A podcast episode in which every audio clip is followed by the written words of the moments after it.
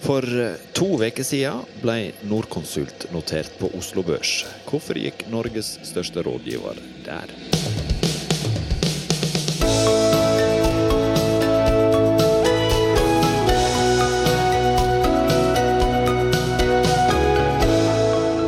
Hei og velkommen til en ny episode av Byggeindustrien og bygg.nos podkast Byggeplassen. Jeg heter Christian Aarhus, og med meg har jeg som vanlig Frode Hagan. I dag skal vi prate om noe av det som kanskje har vært mest diskutert i Norge denne høsten, nemlig børs. Men det skal ikke handle om politikere og ektefeller, men om Norconsults inntreden i finansmarkedet. Ja, vi får si velkommen tilbake til oss her i Byggeplassen. Tusen takk.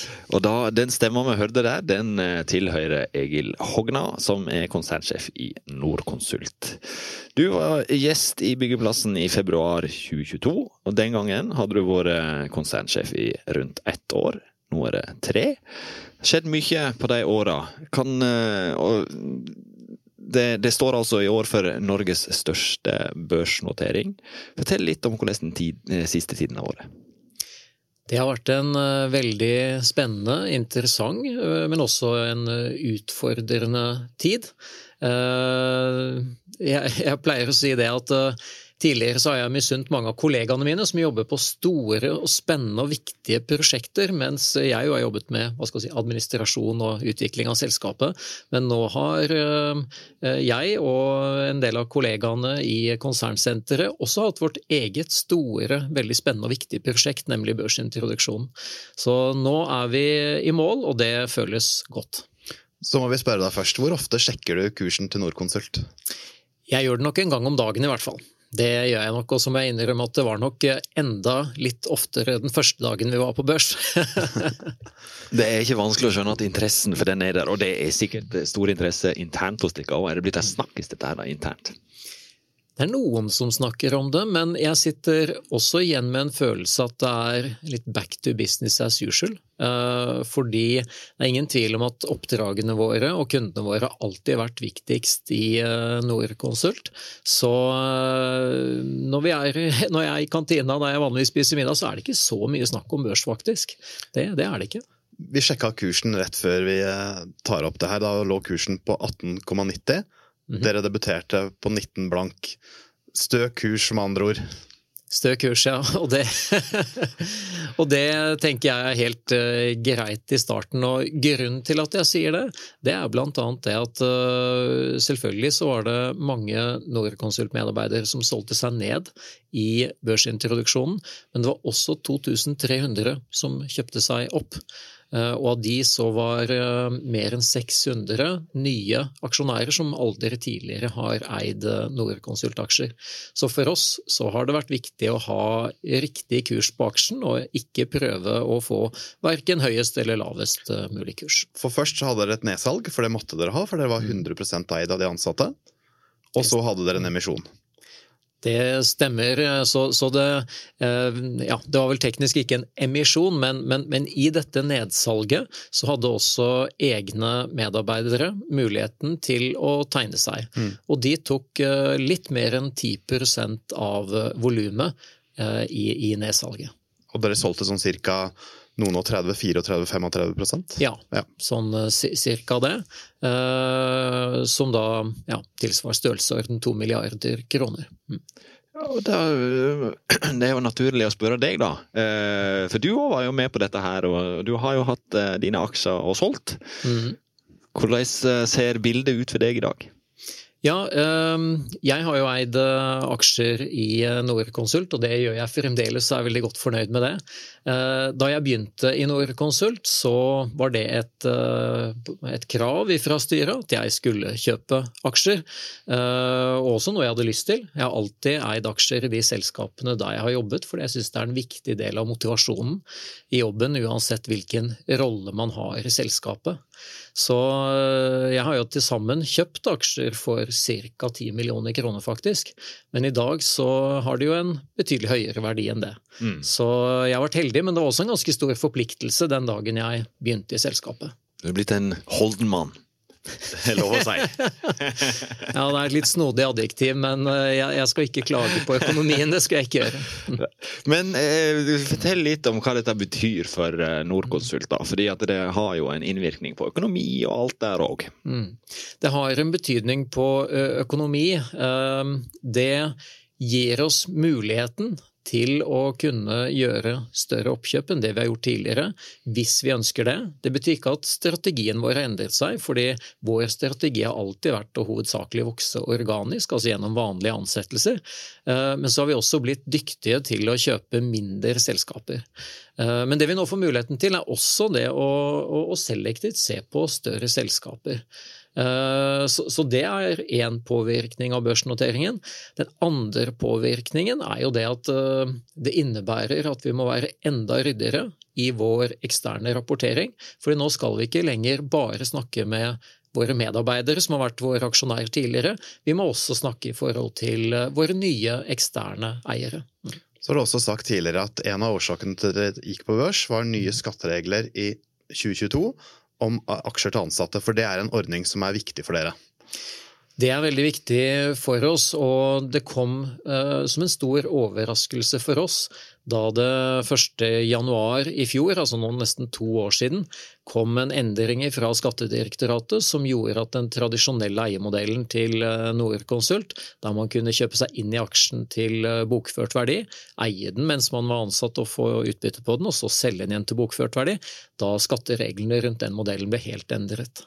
Så konsekvensen av endringene ble at eh, våre medarbeidere måtte betale skatt en betydelig skatteregning den dagen man kjøpte aksjer.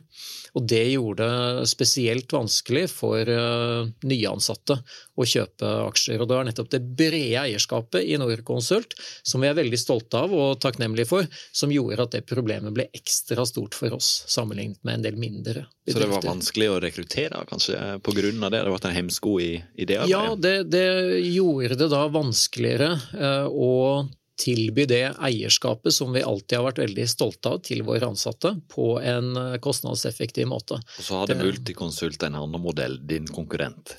De ja, var på børs? Ja, de er jo på børs. Og, og uh, i det I den, det arbeidet som fulgte denne skatteendringen, så vurderte vi jo mange ulike modeller. Vi vurderte en ren stiftelse, litt sånn som eh, Veritas har f.eks.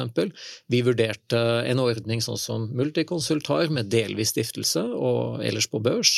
Eh, vi vurderte å gå sammen med investeringsselskaper, eventuelt slå sammen med andre selskaper. Men alle disse alternativene ble stemt ned fordi vurderingen ble at en ren børsnotering i kombinasjon med veldig gode ansatteaksjeprogrammer var den beste måten å videreføre den gamle kulturen på. Og så ga dere en gave til de nye ansatte, eller til alle som var ansatt i, forbindelse med børsnoteringa. Fortell litt ja. om den. Ja, og den, eh, den, er jo ganske betydelig. Den er hver verd størrelsesorden 300 millioner kroner, som fordeles likt på alle ansatte. Eh, fordi en av konsekvensene av børsnoteringen det er jo det at aksjene ble mer verdt enn det de var tidligere. Til glede for alle de som eide aksjer. Men eh, når først denne endringen skjedde, så syntes aksjonærene det var riktig å dele av disse verdiene, slik at eh, alle som var ansatt i selskapet 1.7 i år, og som fortsatt er ansatt et år etter børsnoteringen, får da aksjer som per dag er verdt ca. 50 000 kroner per ansatt. Så det er i realiteten en ganske stor omfordeling av verdier fra de store eller gamle aksjonærene til de som enten ikke eide aksjer eller eide få aksjer. Hvor enklere gjør det å holde på de kloke hodene? Eh, jeg håper det gjør det enda enklere. Vi, vi skal absolutt ikke klage med tanke på uh, hvor, hva skal du si, lojale folk har vært tidligere. Uh, men, men, det er jo noen som har stilt spørsmålet er det mye som endrer seg når vi går på børs. Uh, og noen har vært urolige for det. Jeg, jeg, tror det er en helt ubegrunnet frykt. Men nettopp det at vi hva skal du si, deler eierskapet med absolutt alle i selskapet, det tror vi ytterligere vil styrke lojaliteten. Grete Bergli, eh, eh, som da er leder for eh, Multiconsult, som vi har vært inne på, hun var gjest her for et par uker siden, eller kanskje en måned siden. Hun ville ikke gi så mange råd til deg i forkant av denne børsnoteringen her, men hun hadde i hvert fall ett. da. Fortell om det du har gjort, og ikke det du har tenkt å gjøre. For nå endrer kommunikasjonsgamet seg for deg. Ja, Og det tror jeg er et godt råd, fordi det er viktig å ikke skape forventninger som man ikke kan holde, som man ikke kan levere på. Det er akkurat det samme når du skal, skal hjem etter jobb og ikke fortelle til de hjemme at du tror du kommer tidligere enn det du faktisk har muligheten til å gjøre. Det er bedre å overraske litt positivt enn, enn det motsatte. Så vi har prøvd å ta hensyn til dette i det arbeidet vi har gjort så langt i forhold til nye eiere, med tanke på det at vi ikke har gitt hva skal du si, store og høye løfter, men prøvd å gi et mest mulig realistisk bilde av hvordan situasjonen i markedet er, og hvordan Norconsult driver sin virksomhet. Men hva er det de eksterne investorene som dere presenterte for, var interessert i å få vite? De har vært interessert i å vite hvordan kulturen i selskapet er. Hva som har vært årsaken til at vi har skapt veldig hva skal du si, stabile marginer tidligere og med god vekst, og, og, igjen hvordan vi skal klare å gjøre det framover. Og Noe av det som jeg synes har vært veldig hyggelig, er det at de investorene vi har truffet, de har satt veldig pris på den historiske strategien vi har fulgt. Både med tanke på hvordan vi har vokst, hvordan vi har levert til kundene, hva slags type prosjekter vi har fokusert på, og også hvordan vi har hatt en jevn utbyttepolitikk. Med andre ord, vi, vi, vi deler ut penger til eierne når vi tjener dem. Vi sitter ikke og, og holder uh, på dem, samtidig som vi jo naturligvis bruker en del av overskuddet til å, til å vokse der det er mulighet for gode investeringer. Men selv om kommunikasjonen endrer seg, og du må være litt mer ja, fokusert på det du sier og det, det, du deler, så må vi høre. For det er urolige tider, og det skjer ting i bransjen som er urovekkende, da, kan du si. Hvordan ser Norconsult på, på bransjeutsiktene nå? Ja, Vi har jo offentliggjort våre foreløpige resultater for tredje kvartal, men den fulle tredjekvartalsrapporten den, den kommer om litt, så jeg kan ikke snakke altfor mye i detalj rundt dette. Men basert på det som vi allerede har sagt, så kan jeg si det at vi opplever at selv om det er mye støy, så er det mye i bransjen som er ganske normalt. Vi opplever at det er en solid og ganske normal etterspørsel fra det offentlige. Det er viktig knyttet til infrastruktur, knyttet til offentlige bygg. Vi opplever god etterspørsel fra industrien og en veldig god etterspørsel fra energiselskaper. Og så er det ett område som er utfordrende, og det er boligbygg og private næringsbygg, der rentenivået påvirker. Men jeg tror det er først og fremst usikkerheten rundt hvordan renta kommer til å utvikle seg framover, som er et problem heller enn det absolutte rentenivået. Fordi i et lengre tidsperspektiv så er ikke det absolutte rentenivået nå spesielt uvanlig. Det er mer det at det har vært veldig lavt i, i en del år, som gjør at vi kanskje nå føler at renta er høy. Men i et langt tidsperspektiv så er den ikke så høy.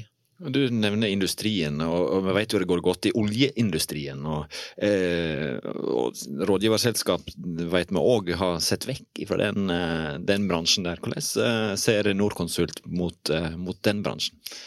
Ja, Vi er ikke en spesielt stor leverandør til oljeindustrien, men vi jobber en del med elektrifisering, som er en viktig del av det grønne skiftet. Vi jobber imidlertid med en del annen industri. Og som sagt, også annen industri opplever vi at går bra. Det kan være tradisjonell produksjonsindustri, en del verkstedindustri osv.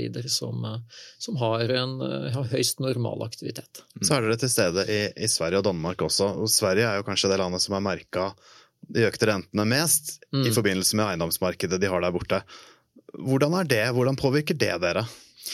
Ja, det, det, er interessant at du spør om det. fordi vi, vi har jo opplevd at si, arkitektsegmentet det har vært uh, svakt en stund.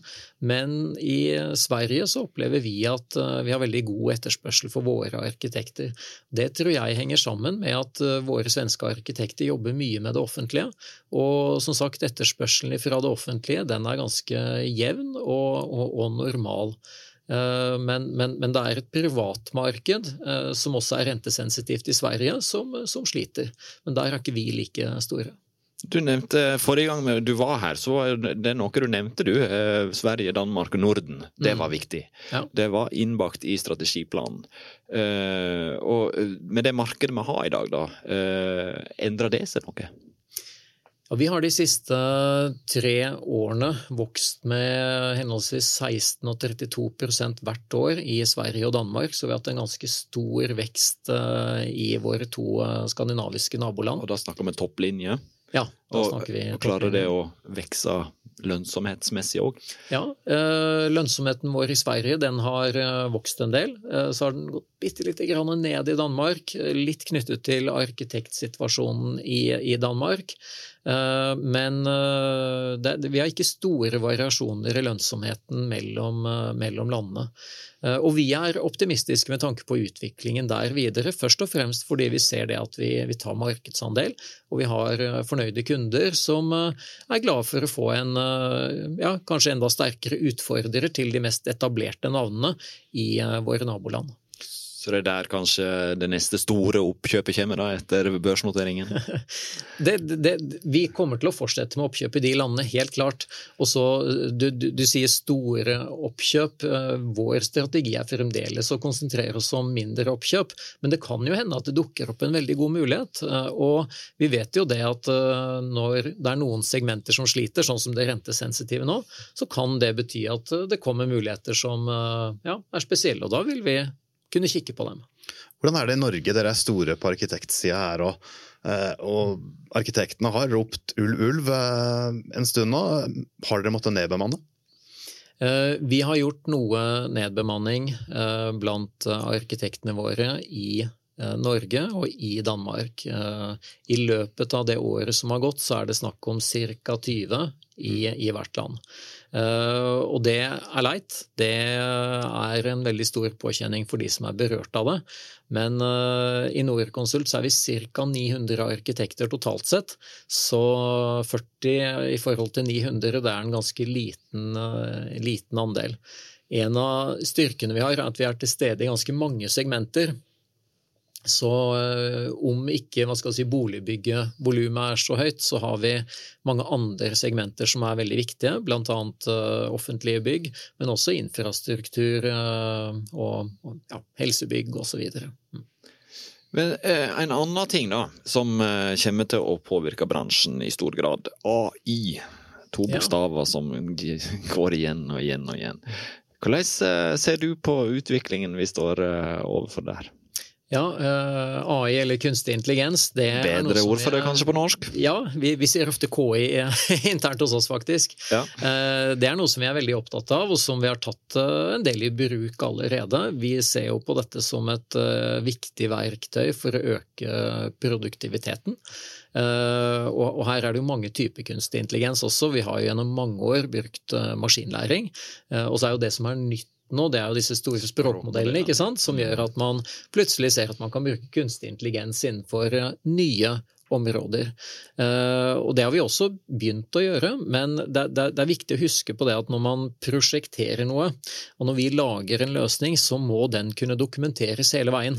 Den må kunne sjekkes, man må ha en eh, god sidemannskontroll på dem, og det betyr at en ren hva skal jeg si, kunstig intelligens black box-løsning som man ikke kan forklare eller forstå, det er noe som egentlig er utelukket. Men eh, det kan eh, gi en inspirasjon til, til innovasjon, men eh, det er fremdeles eh, behov for det menneskelige elementet. Også, ja, For det menneskelige elementet vil det være behov for, men vil det forsvinne et visst behov, da? At jobber er i fare? For det er jo en reell bekymring hos mange. Altså, vi forventer at dette kommer til å øke produktiviteten, eh, slik at man over tid vil eh, kunne gjøre oppgaver med bruk av færre timer enn tidligere. Og vi ser det allerede på enkelte områder. Men dette er litt som eh, en ny eh, spikerpistol eller et tilsvarende verktøy som eh, har vært eh, viktig for utviklingen av bransjen tidligere. Og nå har vi fått et nytt verktøy, og det skal vi bruke så effektivt som mulig. Både i form av det vi kan kjøpe inn av verktøy, og det vi kan utvikle selv av denne typen. Når dette blir snakka om i pressen, da, så er det jo en del etiske problemstillinger som blir reist. Og har en de samme diskusjonene i rådgiverbransjen? Ja, men de etiske problemstillingene er særlig viktige hvis man begynner å ta beslutninger på basis av kunstig intelligens. Så det å bruke det som et rent produktivitetsverktøy, eh, og gjøre det på en transparent og åpen måte, det ser vi på som ganske uproblematisk, også knyttet til innovasjon og inspirasjon. Der hvor det virkelig begynner å bli komplisert, og jeg vil også driste meg til å si farlig, det er hvis man eh, overlater beslutninger til kunstig intelligens. Fordi vi vet det at øh, det datamaterialet som kunstig intelligens baserer seg på, det er ikke perfekt. Eh, ofte så er det data som både er gode og dårlige. Det er både hva skal du si, eh, reelle fakta og falske fakta som ligger til grunn for hvordan kunstig intelligens eh, oppfører seg og tar beslutninger, og da kan man ikke outsource et helt arbeid til eh, kunstig intelligens. Og Data er jo kjempeviktig, og der ligger det òg en sånn eh, etisk og juridisk del for, som det må ta hensyn til. For det kan jo ikke mate inn hva som helst av sensitiv informasjon. Nei, det, det, det kan vi ikke, men her ligger, ligger også noe av potensialet, nemlig det at vi sitter på mye data som vi har eierskapet til, og som vi kan bruke eh, gjennom å hva skal du si, ta et kunstig intelligensverktøy på toppen, og så sikre at det er kvalitet i det som, eh, som, kommer ut. Men her kommer nok også reguleringene til å utvikle seg i, i, i tiden som kommer, og det er et viktig arbeid. Mm.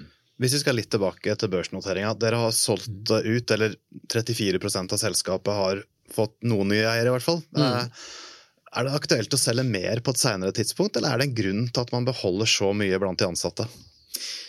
Ja, det er jo opp til aksjonærene nå, fordi selskapet eh, har ikke noe kontroll på hvem som eier aksjer lenger.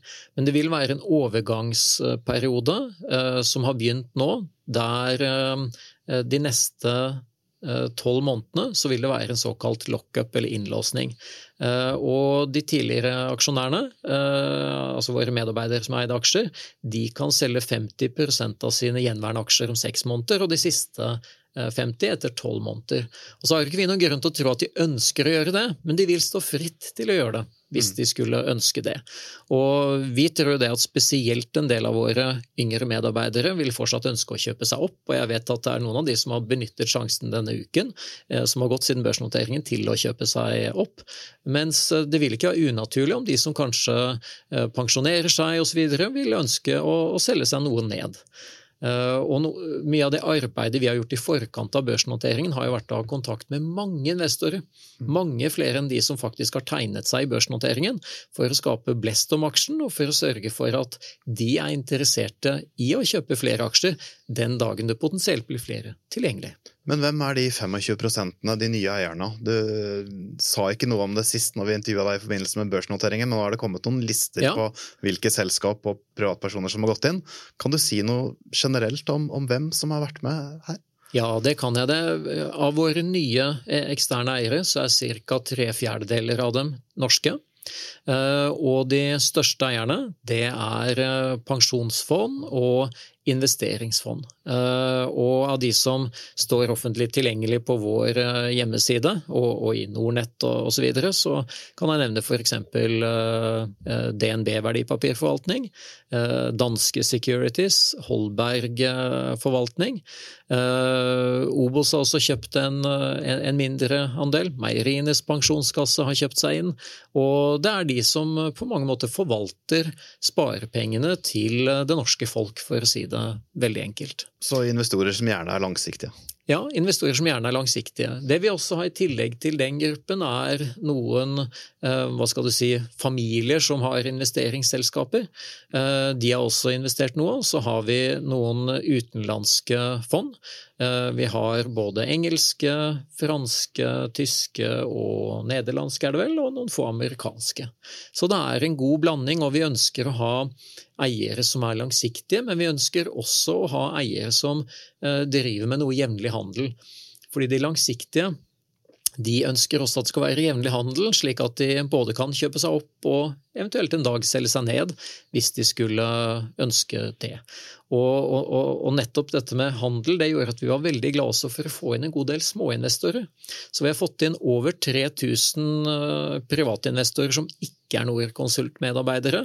Og vi vet jo det at noen av disse små privatinvestorene de liker å kjøpe og selge aksjer, og det er fint, fordi det å ha en jevnlig handel det er også viktig for at eh, vi skal ha en god Har du sett etter navnet til Sindre Finnes? Jeg har ikke gått inn og sjekket på listene, men eh, om han er aksjonær, så er han hjertelig velkommen. Så Vi holder kursen stødig inn til den grensa vi har satt på eh, 30 minutter. Vi skal i hvert fall ikke gå over men litt under. Eh, Med mindre du har store ting på hjertet nå, Egil, eh, så har du muligheten her i noen minutter.